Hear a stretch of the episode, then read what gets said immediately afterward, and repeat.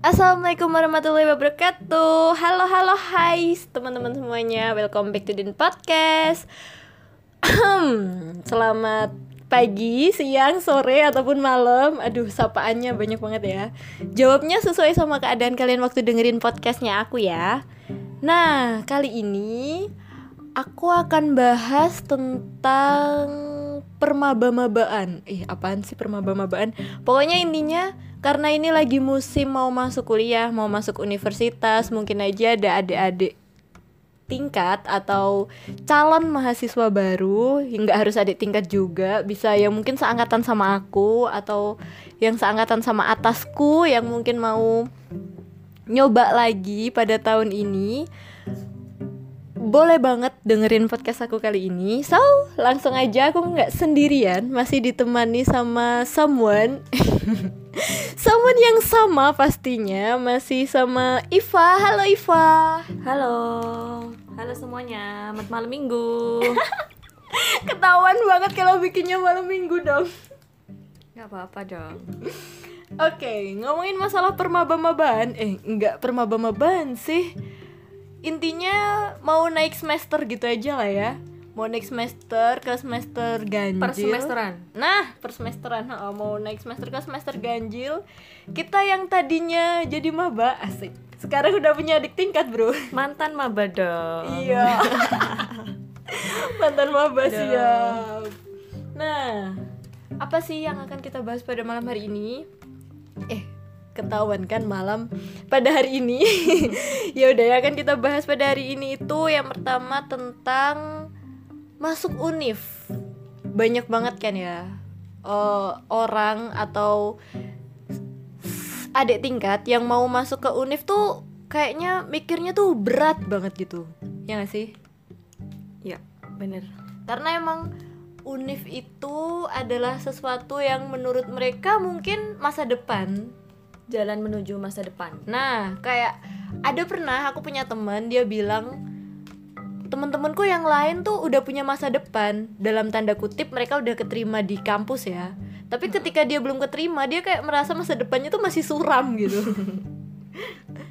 ya padahal kan nggak gitu-gitu amat. Maksudnya masa depan kita nggak cuma panjang. bergantung, nah nggak cuma bergantung sama univ ya nggak sih? Yo, iya. Banyak banget yang lulusan sarjana-sarjana di luar sana yang masih nganggur, ya kan? Kita berpikir realistis aja.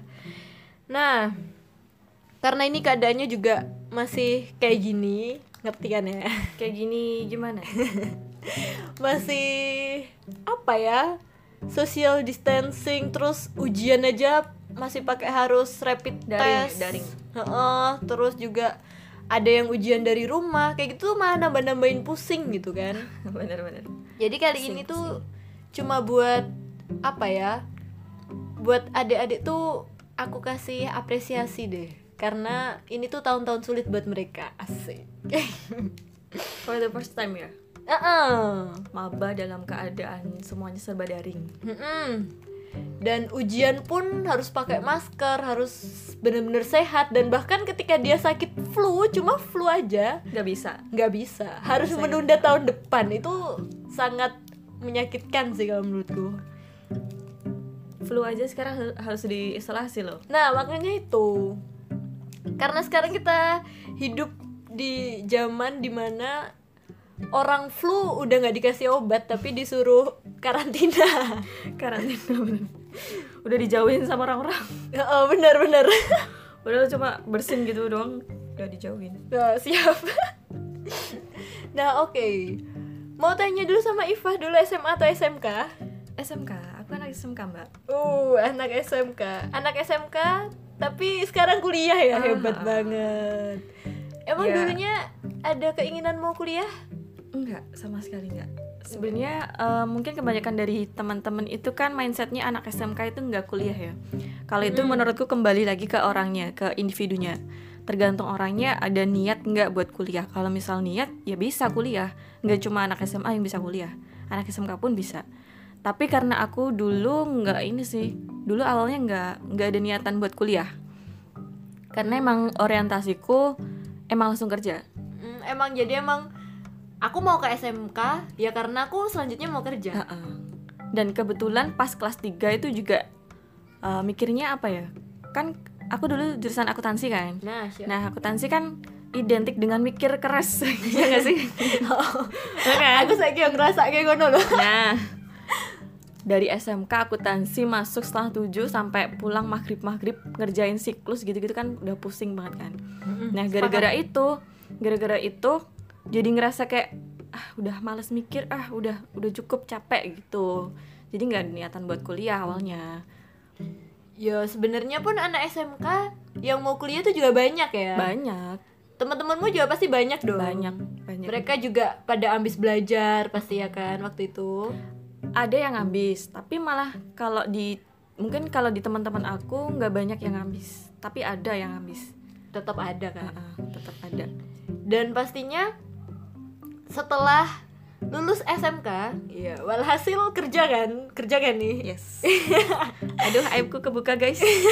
Terus gimana ceritanya sekarang bisa kuliah?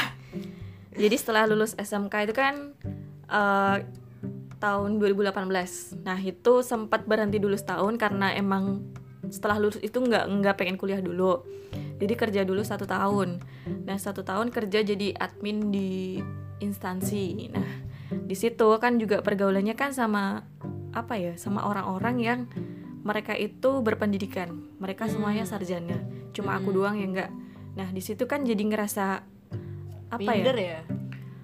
ya minder nggak terlalu sih insecure yang gimana ya kayak ngerasanya tuh semua itu kayak Kayak dari masih segi ngomong dan berpikir itu kayak aku tuh jauh di dari mereka gitu kurang gitu ya? Heeh. Kayak kayak merasa kurang kayak Heeh. nggak bisa ngikutin insecure lah Heeh, dulu tuh insecure aku merasa paling bocil. Ah, merasa paling muda juga mereka kan semua udah sarjana jadi aku paling muda dan aku paling ilmunya tuh paling jauh di mere- dari mereka Jadi mungkin merasa kayak jiwa intelektualnya tuh belum Ah-ah. ini ya. belum, ada belum kali. ada oh, belum terasah juga gitu kan karena kan kalau di SMK juga nggak nggak ini banget kan maksudnya masih mikirnya tuh mikir akademik bukan mikir yang lain-lain gitu Heeh, ya walaupun walaupun wes opo sih jenenge? Wes kuil wes magang, SMK magang kan? magang ada walaupun magang ada magang PKL kerja, nah wes magang wes PKL tapi tetep aja kayak ngerasa iseh insecure nah ya. ini dari segi pengalaman kerja aku merasa beruntung sih dari anak-anak SMA Yo, SMA sepakat. kan nggak ada ini kan nggak ada pengalaman kerja kan sama kalau udah lulus nggak ada kan. Nah kecuali kalau udah kuliah. Nah kalau aku SMK dulu udah SMK kelas 2 itu udah PKL Terus habis itu kelas eh, kelas 3 Kelas 3 setelah ini eh, setelah ujian kan nunggu kelulus eh nunggu apa? Nunggu ijazah. Hmm. Nah, di situ juga disalurin dari SMK ada magang gitu. Jadi udah dua kali. Lulus eh, udah bawa ijazah, lulus itu udah dua kali pengalaman. Dan ditambah lagi kan aku juga year satu tahun kerja. Jadi pas masuk kuliah itu pengalaman kerjaku udah tiga kali. Wah, mantap Dan banget. itu aku lebih bersyukur sih. Iya iya bener sepakat soalnya aku sendiri aku pribadi juga kan aku juga ngalamin yang namanya gap year. Yes. Gak cuma aibmu aja yang terbongkar. Aibku juga aku bongkar sendiri nggak apa-apa. aku juga ngalamin yang namanya gap year. Terus kayak jadi anak SMA itu tuh kayak bener-bener buta gitu. Mau cari kerja di mana-mana susah kayak Apalagi kan kalau misal cari kerja itu kan yang dilihat biasanya tuh yang paling menonjol di pengalaman kerjanya. Nah, kuwi kayak bener-bener apa ya relasi dinggo orang dalamnya pun gak ono. Nah, bener. Terus- Dan aku juga kerja satu tahun itu karena relasi loh. Nah, makanya itu. Yang gap year satu tahun itu kan yang kerja di instansi kan kalau anak SMK kerja di instansi itu kan jarang kan. Mm-mm. Itu aku bisa masuk juga karena relasi. Nah, aku ya pas kayak ngerasa gitu kan pas kui baru lulus tahun 2018 iya ada sebuah tragedi yang membuatku menjadi pengangguran selama satu Apa bulan tuh? Cerita dong. diumbar nih ya pokoknya intinya karena aku saking. Saking berharapnya sama sebuah PTN asik. Nah, ya tahu sendirilah ya anak SMA apalagi IPA yang notabene aku dari SMA yang ya seperti itulah. Tuh kayak apa Biasanya ya? kan anak-anak yang pinter di akademik itu biasanya ngambis Nah. di PTN PTN gitu kan. Dan aku juga seperti itu. Maksudnya gini aku juga ngambis banget sampai yang nggak tidur demi belajar terus Hmm. Sampai bener-bener apa sih Gak makan? Mati dong. Kalau makan nggak diingetin juga nggak makan sih waktu itu. Puasa? Iya bisa dibilang gitu. Sampai bener-bener kurus mikirin PTN banget Terus yo mudeng dewe lah koyo Pokoknya sinau sinau sinau. Dan pada akhirnya gagal Terus tuh kayak Kecewa. bener-bener heeh, down banget. Karena berharap kan ada tinggi ya? Nah berharapnya tuh wes dhuwur banget Heeh. Kayak wes Iki loh aku wes berkorban aku, sejauh aku ini wis usaha Nah nah aku aku sok bakal etok sing sesuai dengan usahaku Nah, aku udah kayak gitu, tapi ternyata tuh malah tiba-tiba bener-bener jatuh, Hmm. jatuh Aduh, banget. sakit Heeh. udah nyoba berapa ya waktu itu? Udah nyoba banyak, tapi nggak ada yang nyantol satupun. Ya emang waktu itu aku nggak nyoba mandiri sih, cuma nyoba sampai SBM aja karena aku tahu mandiri itu biayanya mahal. ada uang pangkal jadi nggak nyoba ke mandiri. Cuma nyoba sampai SBM aja tuh udah sakit banget rasanya. Sakit banget. Nggak mau. Ya udah lah ya. Tapi nggak berdarah. Udah lah ya skip aja. Yang, yang sedih-sedihnya nggak usah dibahas. Nggak apa-apa buat sharing. Ya pokoknya intinya tuh nganti ora gelem metu kamar hampir heeh, seminggu ora gelem metu kamar. Terus ngubungin siapa-siapa aja nggak mau loh. Serius. Kalau dihubungi? Dihubungi di ini nggak? nggak mau nggak oh, nggak mau. nggak bisa di- enek sing emang dimatiin HP-nya ora HP ku ya wis koyo ngono wae tak jarke enek sing enek sing ngebel aku ora tak angkat enek sing ngechat ora tak bales. Wis pokoknya deril bahkan deril mutung gitu ya. mutung murung aduh. Jangan ditiru ya buat yang dengerin ini jangan Ah, ditiru. jangan ditiru teman-teman. Nggak baik. sampai nganti teman-temanku tuh pada datang ke rumah. Nyampe teko ning omahku wae aku ije TKT ora gelem nemoni mereka. Terus mereka karena sesakit itu? Heeh, karena sesakit itu aku ngono loh sejatuh itu aku saat itu. Terus juga parah sih. Oh, parah banget. Oh, kan Dani parah banget. sampai diparani koncomu ujung-ujungnya koncomu ndolan ibumu. Heeh, ujung-ujungnya ukur tekon kabarku lewat ibuku Oh, yes. Heeh, terus kayak akunnya ditemoni wegah kamar samsek nggak keluar? Sama sekali nggak keluar sama sekali gen apa ya? Karena pikiranku waktu itu kayak gini. Mereka yo dalam tanda kutip konco-koncoku Hmm. sing wis ketemu neng PTN kuwi gak pernah ngerasa kayak apa sih oh tak mereka rasake. mereka yang jenguk kue ki kabeh udah keterima ke PTN PTN Iyalah. di pingini iya. Oh, wis wis ketompo ngono lho. Ya tapi sebenarnya mukanya tambah sakit ya. Oh bener sih? Paham. Kan? paham. Nah makanya kuwi kayak waktu itu neng enek pikiranku ki kayak ngene ki. Mereka wae sing wis ketompo kuwi nggak akan pernah ngerti Heeh, sakitnya bisa aku ngono terus ngopo kuwi sok-sok nyemangatin aku bullshit banget ngono. Ih sumpah tapi itu pikiran yang dulu ya. Heeh. itu waktu pikiranku belum jernih belum belum bisa mikir butek ya? Heeh, kayak bener-bener masih kecewa berat. Sampai akhirnya yaitu sampai akhirnya aku bangkit. Iya asik bangkit. Bangkit bu. Cari kerja. Nah di situ baru ngerasain susahnya ternyata dunia persilatan setelah SMA tidak semudah seperti apa yang aku berarti pikirkan. masuk kuliah udah ada pengalaman kerja ya? Udah dong. Mantap. Ya inilah salah satu manfaat dari gap year teman-teman. Nah, oh, kalian bener. bisa cari manfaat eh cari manfaat dari obrolan kita ini. Karena anak-anak gap year itu kan justru kebanyakan itu dia udah punya pengalaman kerja. Jadi lulus kuliah itu pengalaman kerjanya nggak cuman di magang-magang gitu doang. Karena mereka juga ada waktu waktu gap year-nya itu kan biasanya dipakainya buat kerja. Gitu. Hmm. Karena kalau biasanya ki akeh ya sing ngomong kita tuh dikeras-kerasin waktu di kuliah ben awake dhewe ki ngerti piye dunia kerja sing begitu keras. Tapi ternyata setelah aku aku ngalami kerja sik lagi kuliah, Heeh, heeh. kayak kayak kuliah ki nggak ada, ada apa-apanya. Nah, bener ada apa-apanya itu tuh malah justru apa sih ini nggak ada apa-apanya sama sekali keras di dunia kerja malah Nah, makanya kayak aku misal yo waktu itu walaupun cuma kerja ikut orang paling cuma ada sekitar dua bulan ya Mm. aku pribadi dua bulan tapi tuh kayak kerasnya tuh kerasa banget nih loh bener. Kayak wah ternyata bener-bener beda. Jegleknya atau biang atau apa meneh sekolah SMA neng kerja. Aduh kayak nangis-nangis so kayak rasanya. Terus pengalaman kerja oke sing misal aku wes pernah kerja gur telung dino tok goro-goro ra kuat terus kerja mong pirang minggu tok goro-goro kok goro-goro rekan kerjane gak penak gak penak. Kuwi ternyata jauh lebih menyakitkan daripada awake dhewe kuliah gur di apa sih dikei tugas numpuk. Bener bener bener. Terus di persaingan akademik itu nggak ada apa-apanya sama persaingan di dunia kerja ya? Nah heeh. Di kayak dunia kerja itu wah bener-bener ngerasain Bener-bener kerasnya hidup ya heeh, bullshit semua yo heeh kayak jarang temen yang bener-bener temen itu jarang Nah, oh, sepakat banget sih aku. Terus berarti motivasimu balik meneh ya kan Hmm. iki bar nyeritaknya pengalamanku Yo. yang suram oke oke oke balik meneh ya berarti motivasimu buat kuliah Yes. setelah kerja adalah untuk menambah untuk menambah Wawasan. wawasan, Oh. apa ya pengennya itu biar aku lebih open minded lebih bijaksana gitu sih. Lebih ke moralnya sebenarnya. Oh ya bukan bukan, bukan, lagi akademiknya.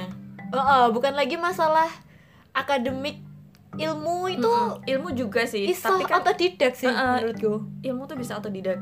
Dan skill pun skill itu juga bisa dilatih kalau kalian udah kebiasaan. Heeh, jadi kalau oh, misal bener. kalian kerja kalian kerja ya bisa jadi kalian belum bisa apa-apa di awal tapi kan juga nanti skill akan berkembang seiring dengan berjalannya waktu Nah, oh. Dan oke juga loh cerita sing ki lulusan sarjana tapi belum punya belum punya ijazah sama sekali. Eh, belum punya ijazah, pengalaman, belum punya Mm. pengalaman sama sekali. Mm-mm. Tapi kan lulusan SMA, tapi pengalaman wis bertahun-tahun. Mm-mm. Mungkin aja perusahaan tuh lebih mempertimbangkan yang lulusan SMA loh. Ah. Karena, kan pengalamannya. pengalaman ha, benar. Nah, makanya Ya, itu. di dunia kerja itu sebenarnya yang paling utama itu kan juga dilihatnya pengalaman terus juga relasi itu juga penting loh Nah, berarti kalau aku jadi bos ada ada yang lamar temanku dan orang nggak kenal pasti aku milih temanku ya bener lah. iyalah Secara partner kerja ki gak iso Heeh. anu loh, gak iso. apalagi kalau kita udah saling kenal udah tahu dia tuh karakternya kayak gimana Heeh. gitu-gitu kan kan gak usah mempelajari lagi Heeh. karakter dia Bener, kan bener, bener. Ya, relasi itu penting banget guys jadi emang apa ya kayak kuliah tuh motivasinya udah nggak ke akademis lagi lebih ke akademik itu nomor sekian. Iya lebih ke wawasannya intelektualnya. Bener. dan yang paling cara pasti berpikirnya. Dan yang paling pasti dan paling penting adalah relasi sih. Bener banget relasi itu penting banget. Siapa tahu nek misalnya koncomu pak direktur ya toh. Nah. nah somben pas lulus bro bro. Iya. Nah, bisa lah. Aku nyambut kayak dengan pakmu iya. Kedipin dikit bisa lah. Iya. Iva Iva main mata dia sukanya oke oke. Berarti emang buat adik-adik sing saiki sing isih mikir mau kuliah buat cari ilmu mungkin mau jadi mahasiswa sing bener-bener aku ameh dadi kupu-kupu wae. Koyo ngono ki salah besar ya kalau menurutku ya. Karena emang lagi-lagi nggak cuma itu motivasi kita buat kuliah gitu. Tapi juga tergantung sih. Kalau misal kalian kupu-kupu kuliah pulang kuliah pulang tapi di di rumah. Ketika kalian pulang di rumah kalian punya usaha mungkin online shop atau apa yang bisa bikin kalian lebih produktif itu juga nggak masalah. Atau mungkin kuliah sambil kerja part time juga oke. Mm-mm, oke banget yang penting tuh jangan kuliah pulang terus rebahan. Nah itu jangan. Nah iya itu oh. kurang produktif dan itu kurang bermanfaat sebenarnya kecuali kalau rebahannya kalian itu sambil pegang HP online shop atau apa apa namanya jualan-jualan apa gitu kan. Hmm. itu bisa. Nggak apa-apa. Ki sing ngomong ki nyindir soalnya dek ki ngerti nek sing duwe podcast iki ki mulai kuliah ki rebahan guys. Tadi yo ngono lho aduh. Heran aku tuh. Nggak ada niat nyindir kok. Orang nyindir ngepaske. Nah bener kampret. Aduh maaf. Oke maaf oke. suka kelewatan. Lanjut lanjut. Oke ya jadi emang relasi penting banget wawasan Yups. penting banget selain akademis juga. Penting akademis juga penting banget sih. Penting bener. Tapi kalau udah masuk dunia perhelatan eh perhelatan perkuliahan Yes. iya. ini kan buat maba-maba adik-adik yang mungkin belum kuliah ya jadi belum tahu gimana kuliah itu. For your information aja kalau menurutku sih masalah ilmu yang kita dapat itu nggak harus dari dosen sih ya nggak banget. sih Ha-ha, bener banget. kalau misalnya temen-temen cari IPK boleh lah ya carmu ke dosen kalau carinya IPK loh ya tapi kalau carinya ilmu kita bisa dapat ilmu di mana aja loh bener. Jadi kalau menurutku sih ya, kalian masuk kuliah itu yang utama banyakin relasi dulu. Mm-mm. Dari dari banyaknya relasi itu nanti kalian bisa milih-milih. Nggak milih-milih, milah-milah maksudnya. Kayak Hmm. gimana ya? Oh, aku bisa ngambil uh, ilmu tentang ini ke dia. Mm-mm. Ilmu tentang ini ke dia. Oh, Iya, kalau bener. masalah kayak gini tuh dia jagonya. Nah, itu kan juga bisa kan. Kalian malah Hmm. dapat ilmu, dapat wawasan dari banyak orang. nah Dan oh. lagi kalau misal satu orang ke satu orang yang lain itu beda pendapatnya, kalian juga bisa lebih belajar uh, subjektif, objektif bisa. Kayak Malah lebih, uh, uh, lebih emang sudut pandang tuh nggak cuma nggak dari satu sisi Uh, ya uh, kalian bisa lebih apa ya, lebih bijak lah. dan lebih open minded lagi Uh-uh. nggak saklek harus kayak Benar, gini uh-uh. nah. karena kebanyakan yang ngejar-ngejar akademis tuh kayak gitu gitu mereka kebanyakan kayak selalu aku cari ilmu ya ya dari dosen dari pengampu Selain yang dari dosen salah gitu kan. iya heeh, nggak bisa dipercaya gitu padahal Ya jangan sampai. kuliah zaman sekarang malah dosen nggak banyak ngasih Uh, uh. itu sih nggak banyak ngasih ceramah maksudnya bukan ilmu ya maksudnya kayak mereka ngasih materi ke kita itu malah jarang banget loh. Kita emang Justru bener-bener kita harus yang kreatif pinter-pinter menunjukkan apa apa wawasan yang dimiliki kita. Itu ditunjukkan. Nah. nanti juga dosen bisa menilai oh itu anak ternyata pinter ya pemikirannya gini gini gini. Nah itu malah jadi nilai plus kan? Nah, ya itu juga bisa banget dipelajari buat teman-teman yang mungkin baru mau masuk kuliah. Bisa banget didengerin. Ini penting sih kalau menurutku. Nah, oke, dari dari tadi kan kita udah bahas motivasi selain mau cari ilmu, mau cari IPK, cari PTN Nah, heeh, mau cari PTN, terus kan banyak banget nih adik-adik yang mungkin masih saklek banget di satu PTN itu. Misalnya, kalau mau ke PTN yang satu, yang namanya udah besar ya kali ya. Mm. Ini tuh dia mau jurusan apa aja terserah yang penting masuk di PTN itu. Nah menurutmu kayak ngono ki piye, bro? Soalnya akeh banget ki kasus yang kayak ngono ki. oke ya. Ya menurutku sih kui eh, kurang tepat ya. Karena kan buat apa kalian ngejar PTN yang udah ternama tapi itu eh, prodinya mungkin prodi prodi atau jurusannya tuh nggak diminatin sama kalian. Cuma demi nama PTN-nya doang kalian masuk di prodi yang sebenarnya kalian gak minat. Mm-mm. itu, itu menurutku menyiksa sih. Uh-uh. walaupun misal ya nggak mau sebut nama PTN sih tapi itu yang jakun. Uh-uh, Jakun.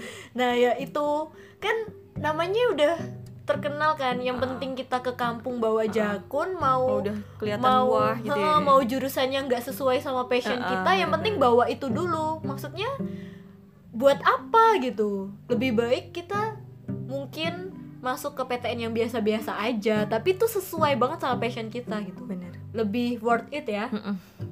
Jadi buat yang harus ngejar disesuaikan sama passion dan juga minatnya itu kan itu juga mempengaruhi kalian ke depannya tuh bakal gimana. Heeh. dan buat yang ngejar-ngejar PTN aku rasa sudah cukup kalian mengejar PTN ya karena yang ngomong juga pengalaman. Ya. jadi bisa lah didengarkan. Ditolak itu sakit. ditolak itu sakit guys. Aku cuma ingin kalian nggak nggak ngerasain Nggak merasain apa, apa yang ya. aku rasain gitu. Ngejar PTN tuh sakit ternyata. Jangan ngejar PTN lah ngejar dia aja juga sakit. Udahlah skip. sakitan mana udahlah skip ya. Ayo. Nggak ada dia soalnya tolong. Oke siap siap. Beda satu. Sudah sudah. Intermezzonya cukup. Siap siap. Nah, oke, jadi sekali lagi buat yang ngejar PTN udah lah ya cukup kejar aja jurusan atau apa pun jurusan yang menurut kalian cocok buat kalian sendiri dan kalaupun misal kebetulan kalian keterima di jurusan yang kalian pengen sekaligus PTN yang kalian pengen itu luar biasa banget. Harus dikembangkan. Dan satu lagi mungkin buat teman-teman yang mau masuk ke PTN kalau mau masuk PTN eh, tolong dipertimbangkan dengan cermat ya. Jangan sampai ada tuh temanku yang dia masuk ke PP. PTN karena ini ngikutin doinya. Aduh. Eh, ngikutin doinya. Ini bucin detected loh. bener ya temanku ada gitu. Eh Sumpah, mm, ada. Enek. sama ini. Iki apa sih jenenge pas aku SMK beliau itu PPL di SMK ku beliau cerita tentang pengalamannya kok bisa sih ambil jurusan akuntansi gini gini nah terus beliau cerita beliau eh, dulu kan dia tuh bukan ini bukan bukan passionnya di akuntansi kan Heeh. tapi dia gara-gara ya itu gara-gara doinya jadi ngikut dan lagi dia tuh pas dulu itu daftarnya di dua di sebut merek nggak apa-apa Janganlah PTN Eh, janganlah. di PTK Oh, PTK ya tahu. PTK akuntansi Iya, sama. PTN yang ternama di Solo nah itu kan pemain kan eh, duluan yang di Solo kan Hmm. nah yang di Solo dia udah keterima di akuntansi murni bukan pendidikan Hmm. Nah, terus selang berapa hari atau berapa bulan, berapa minggu itu yang dari PTK ini ada pengumuman kalau dia juga keterima. Padahal dia posisi udah daftar ulang di yang di Solo, udah masuk di Solo. Nah, terus akhirnya dia tuh karena doinya di Solo, dia nggak ambil yang PTK. Astagfirullah. Dia ambilnya yang di Solo. Aku boleh berkata kasar Terus nggak? ketika dia PPL, PPL di SMK aku, dia tuh cerita, aduh aku dulu nyesel banget, mana habis itu putus lagi. aduh, Aduh ngenes. Dir, dir orang yang PPL di SMK-nya Iva turut prihatin ya Mbak atau Mas sih? Mbak, Turut prihatin ya Mbak yang udah ngejar doinya sampai di PTN sampai ngorbanin PTK loh. ngorbanin PTK demi doinya habis itu selang berapa semester mungkin dia tuh putus Putus. Aduh. Makanya dari itu ya. nyeselnya tuh nggak ketulungan Heeh, bener makanya dari itu lagi-lagi kalau misalnya masih pacar dan belum resmi itu kan belum tahu jodoh kita atau enggak jadi ya kalau misal pun jodoh terhalang sama jarak dan waktu selama apa pun ya bakal ketemu lagi. Jadi nggak usah takut buat kalian yang mau ngejar mau doinya di mana kayak di Papua kayak di Sumatera kayak kalau kalian. jodoh juga bakal tahu tempat pulang. Nah kalau jodoh juga nggak akan lari Uh-uh. ke orang lain gitu. Jadi tetap kejar aja ke cita-cita kalian jangan pernah putus asa gitu. Nah. Bucin mode on ini aku punya beberapa cerita asik. Ceritanya mungkin menginspirasi Bray. Engko anu yo komentar ono ya bro. Aku udah cerita cah piro iki sing cerita? Kur cah telu kok kur siti tapi ki ceritanya ki bener-bener anu menginspirasi gitu nek menurutku. Karena ham bener-bener inspiring your life. Itu kayak iklan ya iklan apa ya? Eh, sudah sudah. Sudah sudah iki ceritanya menginspirasi banget karena menurutku sing cerita iki kabeh gap year sih. Oh ya biar Jadi- jadi kita dari tadi bahas buat anak-anak gebiar ya? Heeh, ya buat yang baru mau buat masuk. maba pun juga bisa lah diambil sedikit-dikit lah. Heeh, mungkin buat yang tahun ini mungkin nauzubillah semoga yang dengerin gak gagal. Tapi kalau misalnya pun gagal ya jangan patah semangat lah ya. Langsung aja Gap year dengerin. juga bukan berarti gak bisa kuliah bisa Buktinya? banget. Buktinya Ifah sama Dina? Ah, bener. Bisa kuliah sekarang kan? Yes. Iya. kita malah jadi baby face gitu loh. Siap siap siap. Kita Ini- berteman dengan anak-anak. Anak-anak seumuran maksudnya. Iya seumuran. Ini yang pertama. Guyu. Cerita dari anonim. Dia kira gelem di anu diwacake jenenge. Isen. Mungkin Isen karena karena kampusnya nggak sesuai sama apa yang dia inginkan kali ya. Engkau bisa mbok komentar ya bro. Dia orang Jakarta bernama Mawar. Mawar. Aku cerita dari awal banget nih ya. Soalnya ini saling berkesinambungan. Mungkin sekitar lima tahun yang lalu aku mutusin buat masuk SMK karena aku nggak mau kuliah, wak wak. Because aku takut banget sama skripsi, bahkan sampai sekarang dia bilang. Terus setelah masuk SMK ada orang yang nanya aku ambil jurusan apa. Ya aku bilang ambil akuntansi dong. Terus orang ini bilang, wah bagus itu, nanti lanjutin aja ke salah satu PTK tentang akuntansi.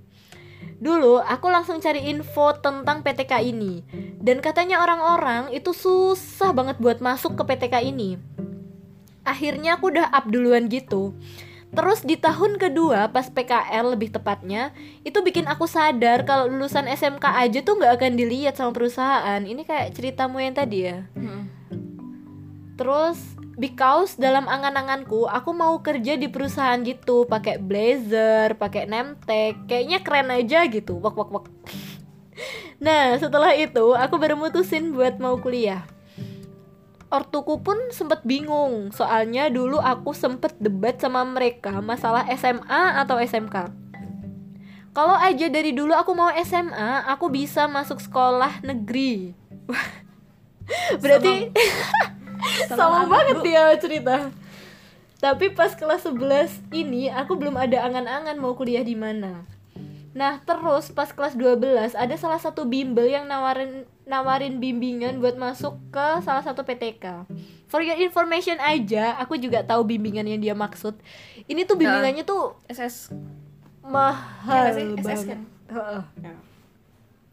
ya itu kan khusus buat PTK itu kan Nah khusus buat PTK itu. Dan, kalian para para calon maba juga pasti tahu kok itu juga Dan disosialisasiin itu emang di lebih banyak sekolah worth it banget kok itu. Terus mungkin di antara kalian eh nggak usah nggak usah. Kenapa aku selalu lupa? skip Tapi awalnya aku nggak mau bimbel because biayanya nggak sedikit. Nah sepakat nih. Tapi ibuku ambis banget buat aku bisa masuk ke PTK itu.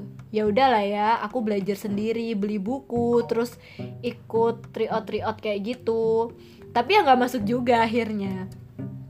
Setelah itu eh ibuku maksa aku buat ikut bimbel ini yang tadi mahal itu. Terus aku mikir, oke lah, mungkin ini saatnya aku buat ngelakuin apa yang ibuku mau asik. Soalnya dari awal mau masuk SMA atau SMK itu ibuku selalu nyuruh aku di kesehatan. Tapi aku nggak mau karena aku takut banget sama darah. Ini orang takut sama darah padahal badannya gede. Akhirnya aku gap year buat bimbel ini selama Padahal setahun. cewek ya? Iya cewek. cewek takut sama darah Banyak loh. loh sama belajar-belajar buat UTBK tapi buat UTBK ini aku males-malesan banget belajarnya terus hamin beberapa bulan UMPTKIN aku disuruh daftar juga tuh sama Pak Deku because di PTKIN salah satu PTKIN ada mbakku juga yang kuliah di sana bodohnya diriku. Aku naro PTKIN di pilihan satu tapi UIN-nya malah ditaruh di pilihan kedua coba. Ini kalau bukan PTKIN UIN iya tapi itu kan masuk PTN juga karena dia masuk di SBM oh iya? Iya dia masuk di SBM juga kalau UIN ya ini emang the real orangnya rada gimana gitu sih. Masa iya IAIN sama UIN duluan IAIN nya gimana sih? Hilaf mungkin hilaf terus ya udah akhirnya PTK-nya nggak dapet UIN-nya juga nggak dapet terus di PTN-nya juga nggak dapet akhirnya masuk ke PTKIN yang di pilihan pertama tadi. Nah banyak banget ilmu yang dia dapat dari bimbelnya tadi. Dia nggak kosong-kosong banget. Karena soal-soalnya tadi tuh banyak banget yang keluar ya di soal-soal UTBK maupun UMPTKIN nah jadi gitu ceritanya. Gimana nih komentarnya. Buat si mawar. Iya buat si mawar ya. Nggak masalah sih kalau misal kalau misal kamu keterimanya di apa di univ atau institut Iya, masih Yang- institut, belum universitas. eh, nggak masalah kalau misal kalian keterima aja nih. bukan di yang sesuai kalian inginkan tuh nggak masalah. Yang penting itu jurusan Jurusannya jurusan- masih sejalan gitu ya. jurusan jangan sampai nggak di nggak diinginkan Mm-mm, kan banyak kan kasus-kasus aduh aku salah jurusan Nah, Nah, kayak gue ngomongnya- salah jurusan nih piye Nah. deben kayak gue ngomongnya nek semester 6 mana kan bro biasa nih.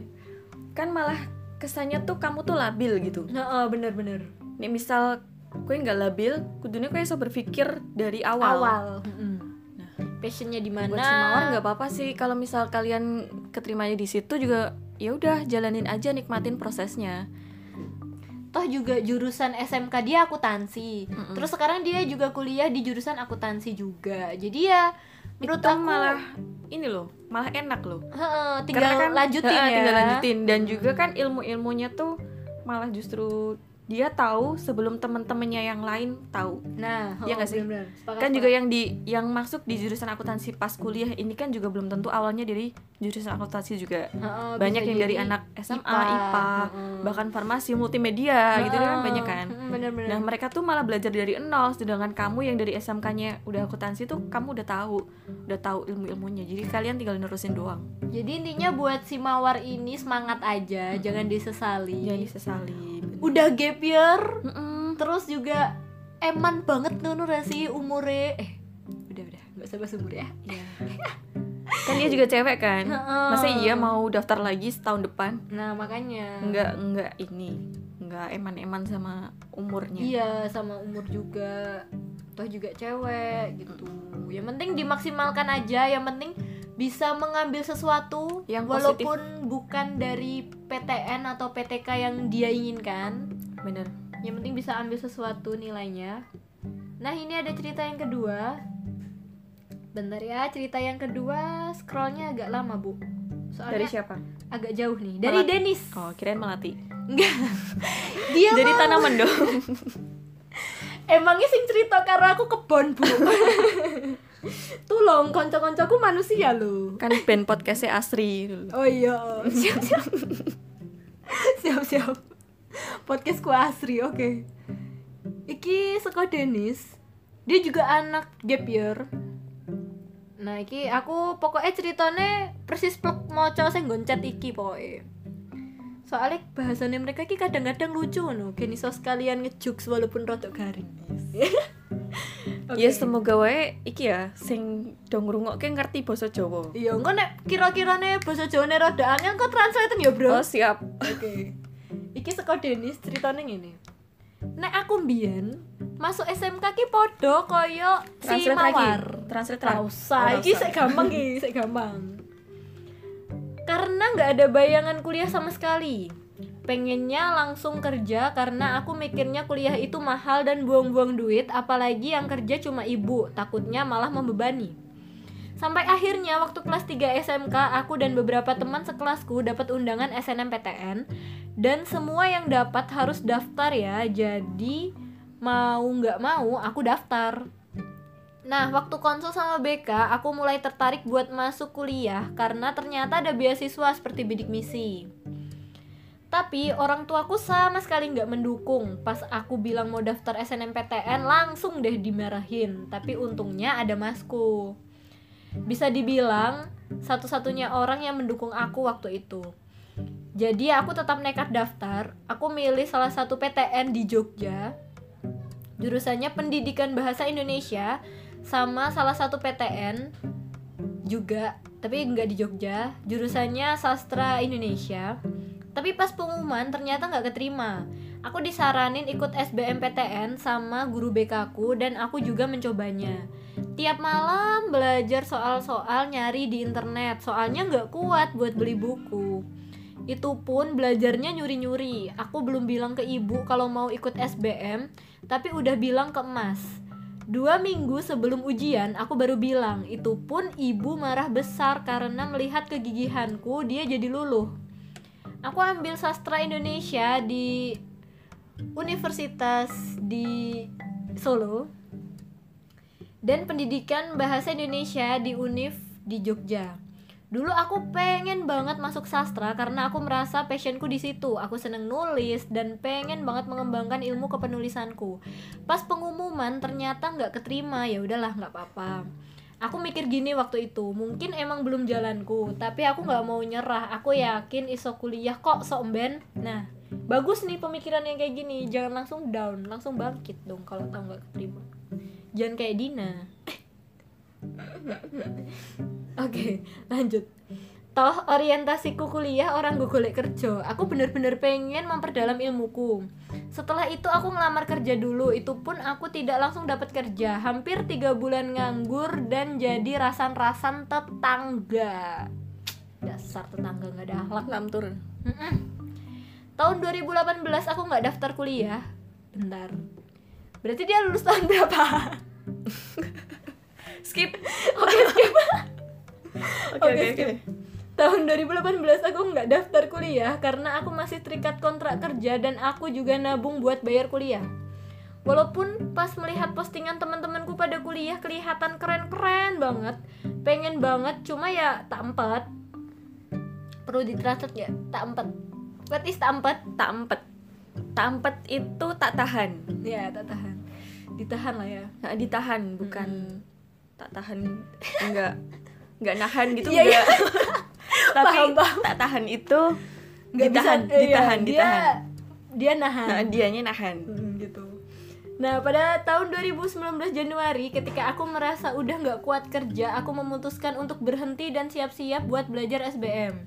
Cuma atasanku bilang ditunggu sampai habis lebaran. Bayangin, suruh nunggu sampai Juli. Masih ada enam bulan dari Januari. ya kan kontrak kan Mm-mm, kontrak juga itu. gitu Nah, terus tapi aku juga menjalankan itu karena aku merasa tabunganku belum cukup. Aku bukan tipikal orang yang suka nyerita-nyeritain sesuatu ke orang-orang yang aku nggak percaya sama sekali. Jadi keinginanku itu aku bilang ke teman kerja, teman rumah yang udah deket banget sama aku dan ke keluargaku aja. Beberapa bulan kemudian nggak tahu siapa yang ngomong tetangga aku pada denger semua dan bilang ke aku terang-terangan kayak gini. Aneh-aneh wae dadak kuliah bareng. Nis nis. Bapak wis renek. Mbok yo mung tani. Apa ra mesakne wong tuwa? Jujur hal itu bikin aku merasa down banget aku sampai nangis denger itu dan kalimat itu keluar dari neneknya temenku SD jahat banget sih gila.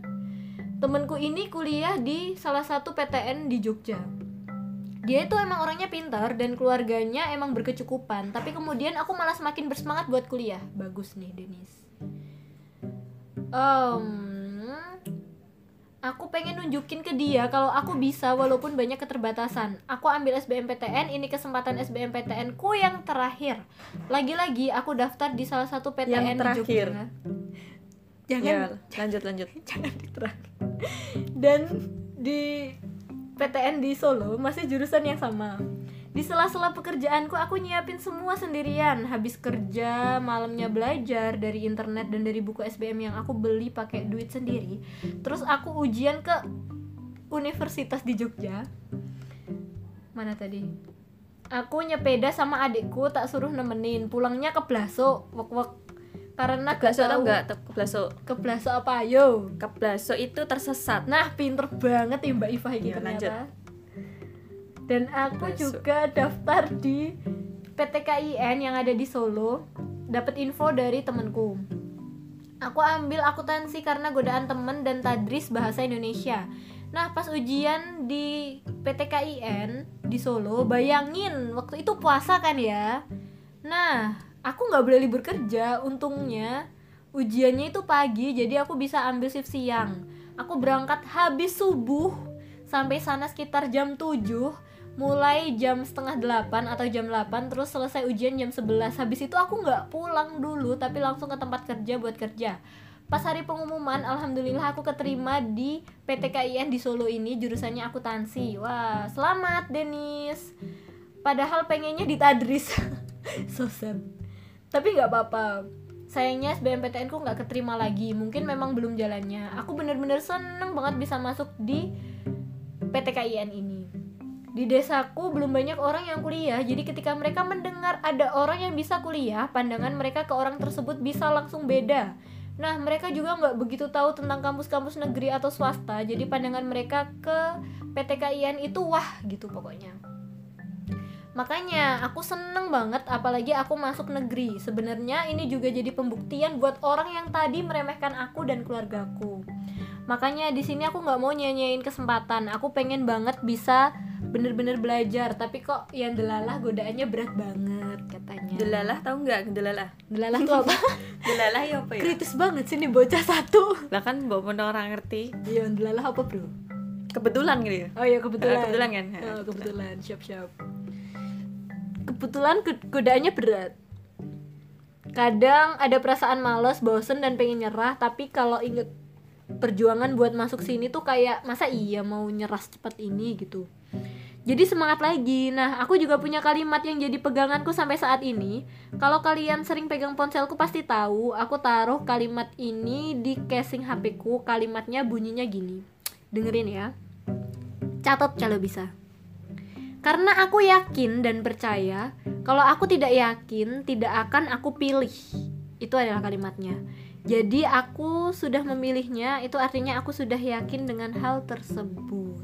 Nah gitu ceritanya dari Denis. Panjang ya? Panjang banget dan menginspirasi banget sih. Heeh. terharu sih. Aku setuju banget karo statement Denis sing terakhir. Karena aku yakin, dan percaya. Kalau aku nggak yakin? Kalau aku nggak yakin nggak akan aku pilih. Mm-mm. bener banget. Ini berarti dia tuh udah menunjukkan dia tuh berusaha konsisten. Jadi kalau dia udah milih di awal jadi dia harus konsisten sampai akhir juga harus yakin harus ngejalanin. Berarti dia tipikal orang yang berkomitmen ya? Bener komitmen. Aku suka nih orang-orang berprinsip kayak gini. Dia tuh udah perjuangannya tuh udah ngerasain sendiri soalnya ya susah. Perjuangannya susah jadi paidu tonggo. Nah ini pancen tonggo ini udah akhlak bro. Ayo kadang-kadang emang tetangga cuma bisa lihat kita yang lambe turah nah oh bener banget. Sepakat sepakat nah buat teman-teman yang mungkin mau ujian sekarang dimudahkan jalannya maksudnya Amin. ora ora ora dadak kerja sih maksudnya ngasih subuh subuh loh bro. Iki bro otw ne kayak subuh subuh kayak bar kuwi ora bar langsung mulai. langsung kerja. Nah makanya kui kan perjuangannya tenan buat teman-teman kita asik. Yang sekarang mau ujian mungkin yang nggak harus kerja tuh lebih bersyukur lah ya. Seenggaknya kalian tuh lebih beruntung gitu. Masih ada yang apa ya apa sih jenenge masih banyak ada yang teman-teman kalian mungkin di luar sana yang perjuangannya tuh cukup berat. Dan cukup mereka sulit banyak sangat rintangan. Mereka terlihat sangat bahagia dengan rintangan-rintangan itu. Mereka menikmati. Mm-mm. Nah iki bro, sing ketelu bro, wah gayeng cah iki. Jenenge Indana asik. oh Dana siap cangan di cangan di Cah Magetan apa Batam aku ya mudeng sih. oh, cah Magetan apa Batam Ya pokoknya antara loro kuwi pokoknya pancen ras. blasteran kok Belang-belang dong. Oh, iya. Oke pokoknya jenenge Indana. Sing ngrungokke podcastku iki mungkin sebagian besar udah kenal juga sama ini orangnya. manusia of, of out of the box Nah, heeh, paling out of the box antero jagat raya emang. Indana punya cerita, wis asik nih. Awal-awalnya wis bahasa Inggris ya. It's a long time ago. Aku SMA hari-hariku ki cuman sekolah mulai sekolah mulai renek kui kepikiran arep kuliah tapi soko bulekku ki ngongkon kuliah yo oh baleni baleni skip ya guys baleni baleni nadane ra koyo ngono kuwi nek Indana cerita soalnya oh nadanya kudu disesuaikan ya Iya, dek lucu soalnya. Ngene. It's a long time ago. Aku SMA hari-hariku ki cuman sekolah, mulai sekolah, mulai renek kuwi kepikiran arep kuliah. Tapi saka bulekku ki ngongkon kuliah yo, guys. Jadi aku SMA ki dibiayai beliau jo SMP, malah dianggap anak dewe. Jare aku ki Heeh, malah dianggap anak dewe. Tapi aku kira seneng yo. Aku sik duwe ibu bapak Mas ya wong tuaku biasa ae gak berkecukupan kaya bulekku iki. Terus lulus SMA aku daftar SBM ning Surabaya mbek koncoku sampai mesin saka bis muntah bareng ning kali. Ya ampun. ya ampun Nginep nggone kose kakak kelas. Wah, suram banget. Terus hasil SBM-nya metu, nah aku gagal. Terus bulekku ngongkon kuliah ning Batam ae. Sambil cari uang. Wah, boleh uga nih nek dolek duit dewe. Kan aku ora bergantung bisa apa-apa. Aku ora pengen ibu bapakku kepikiran terus ya wes aku ning Batam. Ternyata, guys, iya sih. Golek gawean, saya tekan ini mau. Oh iya, golek gawean ki uangnya lepol. Aku desek-desekan bi pelamar-pelamar kerja sing wis berminggu-minggu bolak-balik SC ning muka kuning. For your information, muka kuning itu tempatnya ada di Batam. Itu kayak semacam daerah industri gitu di Batam. jadi dia anak rantau ya pas itu Iya, dia ke Batam sendirian loh. Wanita tangguh Iya, asik. Kayak aku ki sok-sokan wani dhewe ngono, padahal ro ngerti dalan. Dadi aku tekok ponakanku iki nek misal arep ning muka kuning naik apa? Jari kok naik cherry. Jadi cherry ki kayak semacam angkot. Ke mana aja 5000 Terus ya udah kan berangkat Ke mana aja 5000 Iya. Berarti jarak mang meter karo 5 kilo kan podo ya? Iya, ya mungkin aku urung tau ning Batam soalnya. Cucuk nih lu ngatur ya. Ya, jane dia mulai ning Jawa numpak cherry ae Oh iya, lima ewu. lumayan iki hemat apa apa cah. Mang ewu lho. Timbangin numpak pesawat. lewat kene. Ini khusus Batam lokal, lokal Oh, iya. Batam. Ya bener-bener. Skip. Oke, 5000 Terus ya udah kan berangkat aman nyampe tujuan. Nah, pas mulia deh kesasar, Bro. Aku salah naik cherry warna merah, terus aku bingung jalannya kok beda. Selama tiga bulanan aku neng omahe bulekku iku ra nganggur. Enek panggilan kerja tapi ra ketrimo pas interview. Dan banyak sesama lainnya sampai aku keterima kerja tapi kerja ya ora segampang pikiranku. Ternyata angel akeh wong peres neng ngarepe bos. Nek misal beliau enek salah dilempar ke kita. Mergo bawahan kadang aku dewe yang gawe masalah sampai nangis-nangis dewe ngono neng toilet. Wah oke nah iki iki salah satu contoh cerita kalau persilatan di dunia kerja itu sulit ya yang tadi di awal udah sempet kita bahas ya kan Dan perjuangannya juga terus tenan ya. apalagi dia rantau di sana nggak ada orang tua Perjuangan di awal pengen kuliah itu loh. Heeh. Dia direwangi sampai neng bis mutah-mutah gagal. Heeh, terus Terus akhirnya dia Akhirnya eh, mutusin buat kerja ngerantau. dulu, heeh, kerja Kerjanya dulu. nggak main-main loh Batam Jauh loh. Jawa tuh loh. banget lah. Dia Malah- orang Jawa toh. Wong Magetan punya. Terus ya lanjut ya. Terus selama itu aku golek info-info kampus juga. Jadi dia nggak nggak terus patah semangat buat kuliah enggak. Jadi dia tetap semangat buat kuliah. Nah, tapi waktu itu ada yang bilang kalau kuliah di Batam itu ijazahnya nggak bisa dibawa keluar dari Batam. Jadi cuma bisa dipakai di Batam. Dan akhirnya si Indana ini ikut SBM bar entek kontrake gak diperpanjang. Langsung mulai ning Jawa meneh daftar SBM sinauku cuma dari salah satu aplikasi aplikasi buat belajar Bimbel. gitu. Heeh, bimbel online. Sama salah satu akun Instagram yang buat belajar-belajar SBM kayak gitu tapi tetep wae gagal. Terus aku njajal neng salah satu PT KIN kan neng Solo. Aku njupuk akuntansi mergo aku ndelok budeku kerja ning bank ki koyone penak ngono. Budal jam 8 mulai jam 5 Sabtu Minggu prei guys gajinya 10 yuto jadi aku njupuk akuntansi ae waktu iku dan alhamdulillah ketompo. Tapi ternyata akuntansi susah jadilah kayak sekarang. Nah gimana nih gimana sih maunya ke bank tapi ambilnya akuntansi Beli deh neng perbankan kok kita ya. iya. Tapi enggak sih karena mungkin pikirannya dia kan jurusan perbankan tuh nggak banyak ya di PTN PTN mungkin cuma ada di bu- PT KIN atau PTN PTN tertentu kali ya. Akuntansi kan emang lebih luas kan? Bener. jadi emang mungkin dia mikirnya kalau mau ke bank ya lulusannya akuntansi kali yang paling deket gitu Karena juga nih akuntansi ki kan misal lulusan akuntansi, kui iso kerja ning bank. Heeh. Iso kan?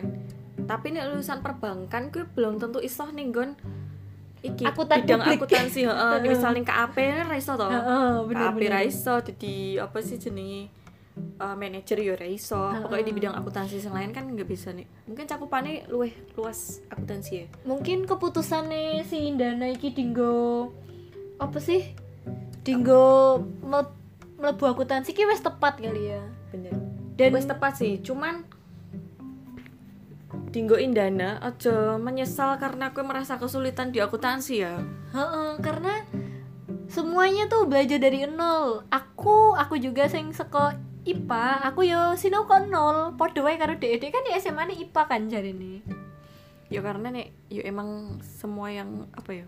Nek dia pengen suatu sing nikmat ki kudu kudu enek usaha nih. Heeh, bener-bener Edi ki podo wae ya, Bro. Edi kur beda masalah waktu tok. Oke, mungkin belajar akuntansi emang dari nol kan sekarang. Mm-mm. Nah, aku ya podo dari nol tapi cuman aku luwih dhisik sinau nih Heeh. Ya aku mungkin dari empat tahun yang lalu udah belajar Nah, jadi mungkin buat mindsetnya Indana yang menganggap orang-orang lain pinter di bidang akuntansi sementara dia enggak, mungkin tuh perlu diubah ya mindsetnya. Bener. Jadi, jangan sampai menyesal dan merasa salah jurusan ya heeh, nah kita kan udah belajar ya, kita tekunilah apa yang udah kita belajar. Walaupun dari nol terus yang lain udah pada tahu, ya nggak apa-apa. Belajar Bener. itu nggak ada salahnya dan kan? nek misal Indana merasa kesulitan ning akuntansi yo manfaatkan konco-koncomu lah. Mm-mm. koncomu kan akeh ning Solo koncomu akeh. Terus mungkin bulekmu juga mudeng sidik-sidik masalah akuntansi yo dimanfaatke wae. Teko nek misal ra mudeng sharing-sharing babakan akuntansi. Mm-mm, bener-bener boleh sepakat. jadi ojo kekancar gurunggu ngereceh tok sih. Bener jadi sepakat. apa ya dijipuk manfaatnya lah Mm-mm. bukan berarti adewe memanfaatkan konco ya? Mm-mm. tapi kan yo masa iyo ame ya susah seneng bareng-bareng lah ya. Mm, bener. Apa gunanya punya temen gitu kan? Jadi nggak usah sungkan kalau mau tanya. oh. kalau misalnya nggak tahu nggak usah malu tanya wae gitu intinya. Nah cerita ceritanya yang dari tadi ini udah menginspirasi banget Fah. Aku wes nganti isen dewe karo ceritaku neng awal mau sing bener-bener noob dari Mergone- ketiga cerita gini mau menginspirasi banget ya Mm-mm. dan ini kan juga tiga-tiganya kan anak-anak gap year ya Mm-mm. dan Jadi kebetulan kita yang ngisi juga anak-anak gap year jadi yo seenggaknya wis ngerti lah ya gimana rasanya nggak keterima terus akhirnya kerja sih terus ya gitulah pokoknya oke Iva mungkin ada pesan buat buat adik tingkat calon maba atau maba atau mungkin buat angkatan kita buat angkatan kak tingkat terserah. Mau ada pesan monggo disampaikan. Eh, untuk calon maba eh, buat teman-teman yang mungkin baru lulus SMK dan ingin melanjutkan ke PTN eh, nggak apa-apa dicoba semua aja. Jadi kalian mau eh, mau ngelanjutin ke PTN yang mana atau PTK atau PTKN atau PTS nggak apa-apa di, di apa dicoba aja semua. Kalau misal kalian gak keterima di pilihan pertama ya udah. Kalau misal kalian eh, cocok di pilihan kedua ambil.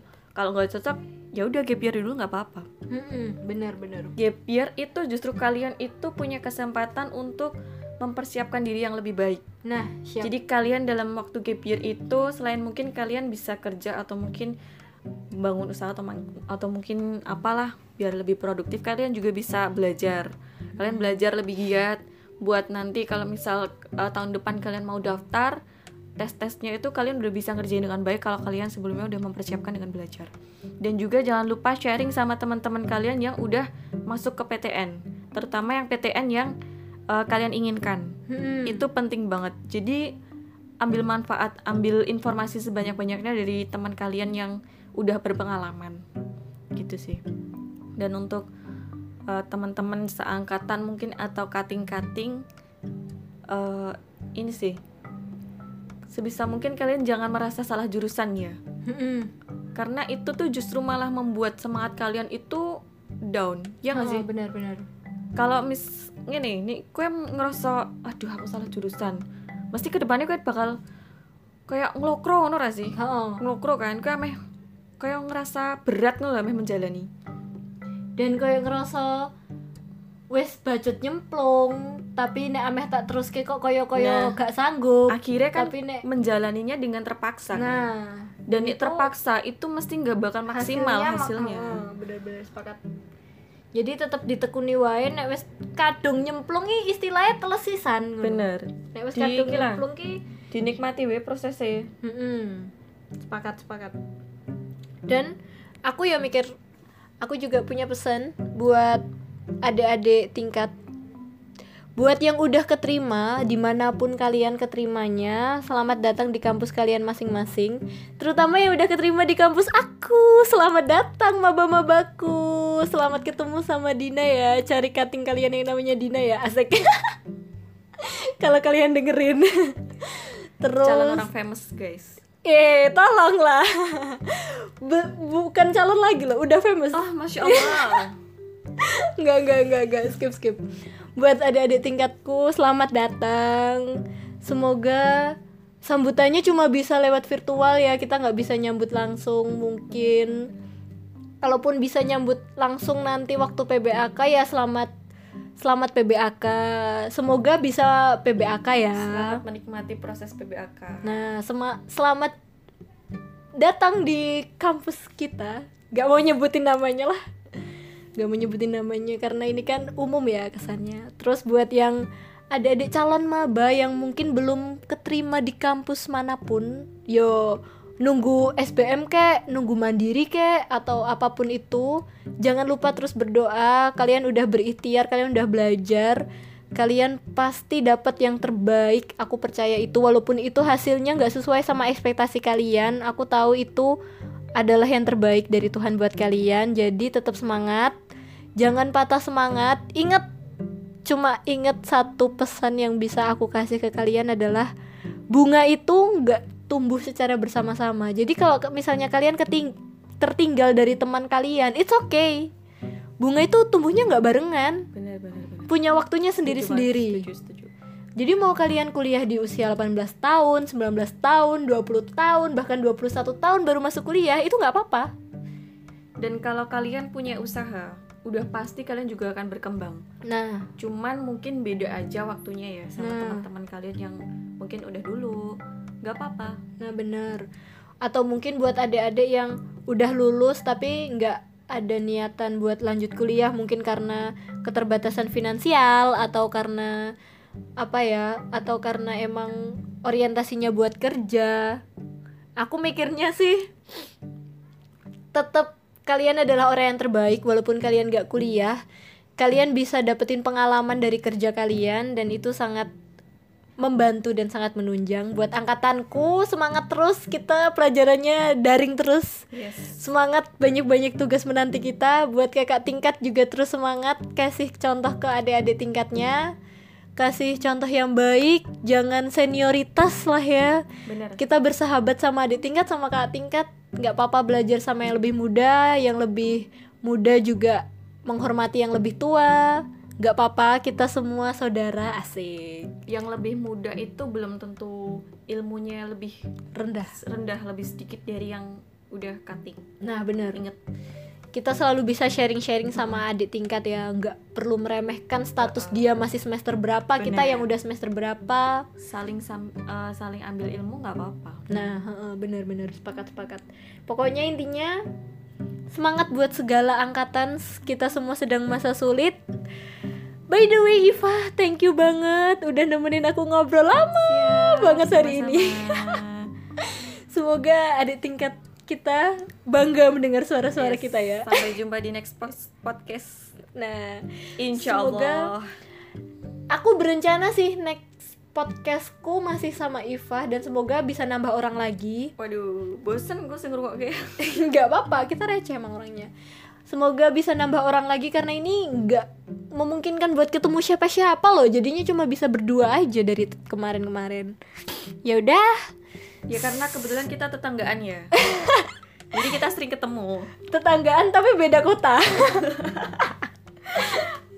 oke oke Oke, thank you ya Iva sekali lagi thank you so much Siap, buat siap, sharing-sharingnya hari ini. Pokoknya bermanfaat banget. Ambil manfaatnya, buang yang nggak penting. Yang tadi omongannya rada-rada kasar nggak usah dimasukin ke dalam hati. Itu cuma bercandaan aja. So, akhirnya Dina pamit. Iva juga pamit. Wassalamualaikum warahmatullahi wabarakatuh. Selamat malam. Malam.